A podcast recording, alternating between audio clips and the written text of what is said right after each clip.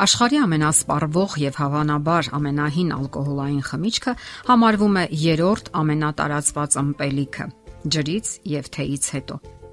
Գարեջուր ստանում են հացահատիկից, օսլայի խմորման միջոցով։ Հիմնականում օգտագործվում է գարուածիկ, սակայն ցորենը, եգիպտացորենը եւ բրինձը նույնպես լայն կիրառություն ունեն։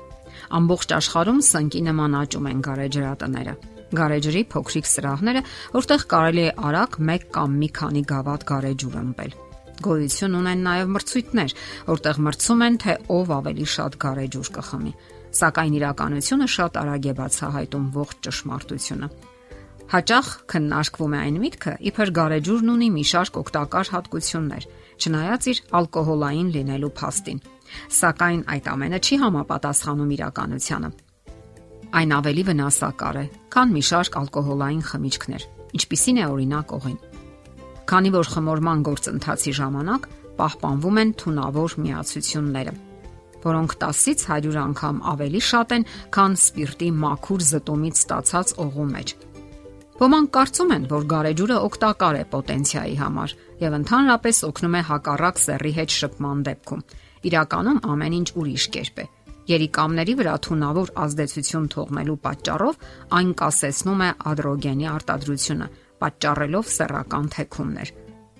Պարզվել է նաև, որ գարեջրի կանոնավոր օգտագործումը ֆեմինիզացիայի է ենթարկում տղամարդկանց եւ մասկուլինիզացիայի կանանց։ Այսինքն, տղամարդիկ սկսում են նմանվել կանանց, իսկ կանայք տղամարդկանց։ Տղամարդկանց մոտ հայտնվում են որոշ կանացի նշաններ եւ զարգանում է իմպոտենցիա, իսկ կանանց մոտ կոպտանում է ձայնը, բնավորությունը, դեմքին հայտնվում է բուսականություն։ Եվ ալկոհոլային խմիչքների բազմազանության մեջ հենց գարեջուրն է առավել բացասական ազդեցություն գործում տղամարդկանց ու կանանց օրգանիզմում սեռական հորմոնների պարունակության վրա։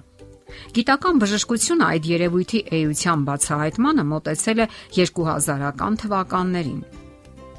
Պարզվել է, որ գարեջրի արտադրության մեջ օգտագործվող գայլուկի կոների մեջ, որոնք էլ գարեջրին այդ առանձնահատուկ դառնավուն համն են հաղորդում, պարունակվում է մի դժվար արտասանվող նյութ՝ 8 պրենիլնարինգենին։ Այս նյութը պատկանում է էստրոգենների, կանացի սեռական հորմոնների դասին։ Այսպիսի միացություններ գտնվում են նաև որոշ բույսերի մեջ, օրինակ՝ կարմիր երեքնուկի եւ արբույտի մեջ։ Ժողովրդական բժշկությունը վաղուց է իմացել այդ երևույթի մասին, եւ այդ պատճառով հովիվները խնամքով հետևում էին, որ կենթանիները շատ չուտեն այդ բույսերից։ Հակառակ դեպքում նրանց անպտղություն էր սպառնում, ինչը եւ դիտվեց օրինակ Ավստրալիայում, երբ ոչխարներին արածեցնում էին բացառապես կարմիր երեքնուկի դաշտերում։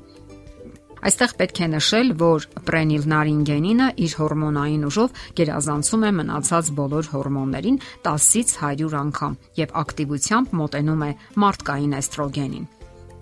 Ինչ են սեռական հորմոնները։ Սեռական հորմոնները կարգավորում են սեռական օրգանների ձևավորումն ու գործառույթները, սեռական երկրորդական նշանների եւ մարդու վարքագծի որոշ կողմերի դրսևորումը։ Եթե խոսենք տղամարդկանց ու կանանց տարբերությունների մասին, դրանք առաջին հերթին սահմանվում են նրանով, որ տղամարդու օրգանիզմում արտադրվում է տղամարդկային հորմոն՝ տեստոստերոն, իսկ կնոջ օրգանիզմում կանացի հորմոն՝ էստրոգեն։ Հենց այս նյութերի ազդեցությունն ու գործողությունն է սահմանում տղամարդու եւ կնոջ միջև արտաքին տարբերությունները ինչպես նաև տղամարդուն տալիս է մկանային մեծ ուժ, համապատասխան մարմնաձև, դեմքի բուսականություն, տղամարդկային ձայն եւ բնավորություն, իսկ կանանց տալիս է կանացի կառուցվածք եւ մարմնաձև, ավելի փափուկ ձայն եւ կանացի մեղմ բնավորություն։ Կարճ ասած, առանց այս հորմոնների ընդհանրապես չէին ձևավորվի ներքին ու արտաքին սեռական օրգանները։ Սեռական հորմոնների կարևոր առանձնահատկությունը դրանց բարձր ակտիվությունն է նույնիսկ ցածր խտությունների դեպքում։ Այսպես, Առողջ կնոջ օրգանիզմում օրվա ընթացքում արտադրվում է 0.3-ից մինչև 0.7 միլիգրամ էստրոգեն։ Այս քանակը հավասար է շաքարի 1 հատիկի կեսին։ Այսքան քանակը լիովին բավական է, որ մարդը կին լինի։ Եվ ահա կանացի հորմոնի այս նմանատիպ նյութի գործող խտությունը 1 լիտր գարեջրի մեջ կարող է հասնել 0.15 միլիգրամի մարդկային էստրոգենի հաշվարկով։ Ուրեմն հասկանալի է, թե ինչ հետևանքներ է թողնում այն օրգանիզմի վրա։ Իսկ ինչ է տալիս գարեջուրը տղամարդկանց։ Գարեջուր օգտագործելով տղամարդը զգալի չափով իր օրգանիզմում փոխարինում է տղամարդկային հորմոնը կանացի հորմոնով։ Եթե նախկինում տղամարդկային հորմոնը նրան ակտիվություն, երանգ կամ այն որակներ էր տալիս, հաղթանակի ձգտում, առաջնորդելու ցանկություն, ապա գարեջուր օգտագործելով նրա սեռի մեջ առանձնահատկությունների մեջ փոփոխություններ են տեղի ունենում։ Այդպիսի մարդու մարմնակազմությունը նույնպես փոխվում է, կոնքը մեծանում է, ճարպը կուտակվում է կանացի ձևով ազդրերի վրա, որովայնի մկանները թուլանում են եւ հայտնվում է գարեջրային որովայնը։ Աճում են կրծքագեղձերը, Ամեն անգամ ձեռքը վերցնելով գարեջրի գավաթը հարկավոր է կանխատեսել այն հետևանքները, որ կարող է տալ այդ նենք խմիչքը։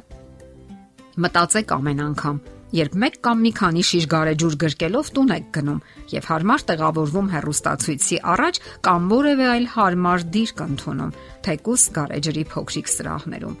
Դուք մտածում եք, որ նրա մեջ ալկոհոլը քիչ է եւ մտովի պատրաստվում եք խմել այնքան, որ ստանաք համապատասխան վիճակը հետո այլևս չեք կարողանում ազատագրվել։ Իսկ եթե ցանկանում եք ազատագրվել, ուրեմն ինչպես ազատագրվել։ Հարկավոր է իմանալ, որ գովազդները խափում են։ Յուրաքանչյուր գովազդ ունի իր ներքին տրամաբանությունը,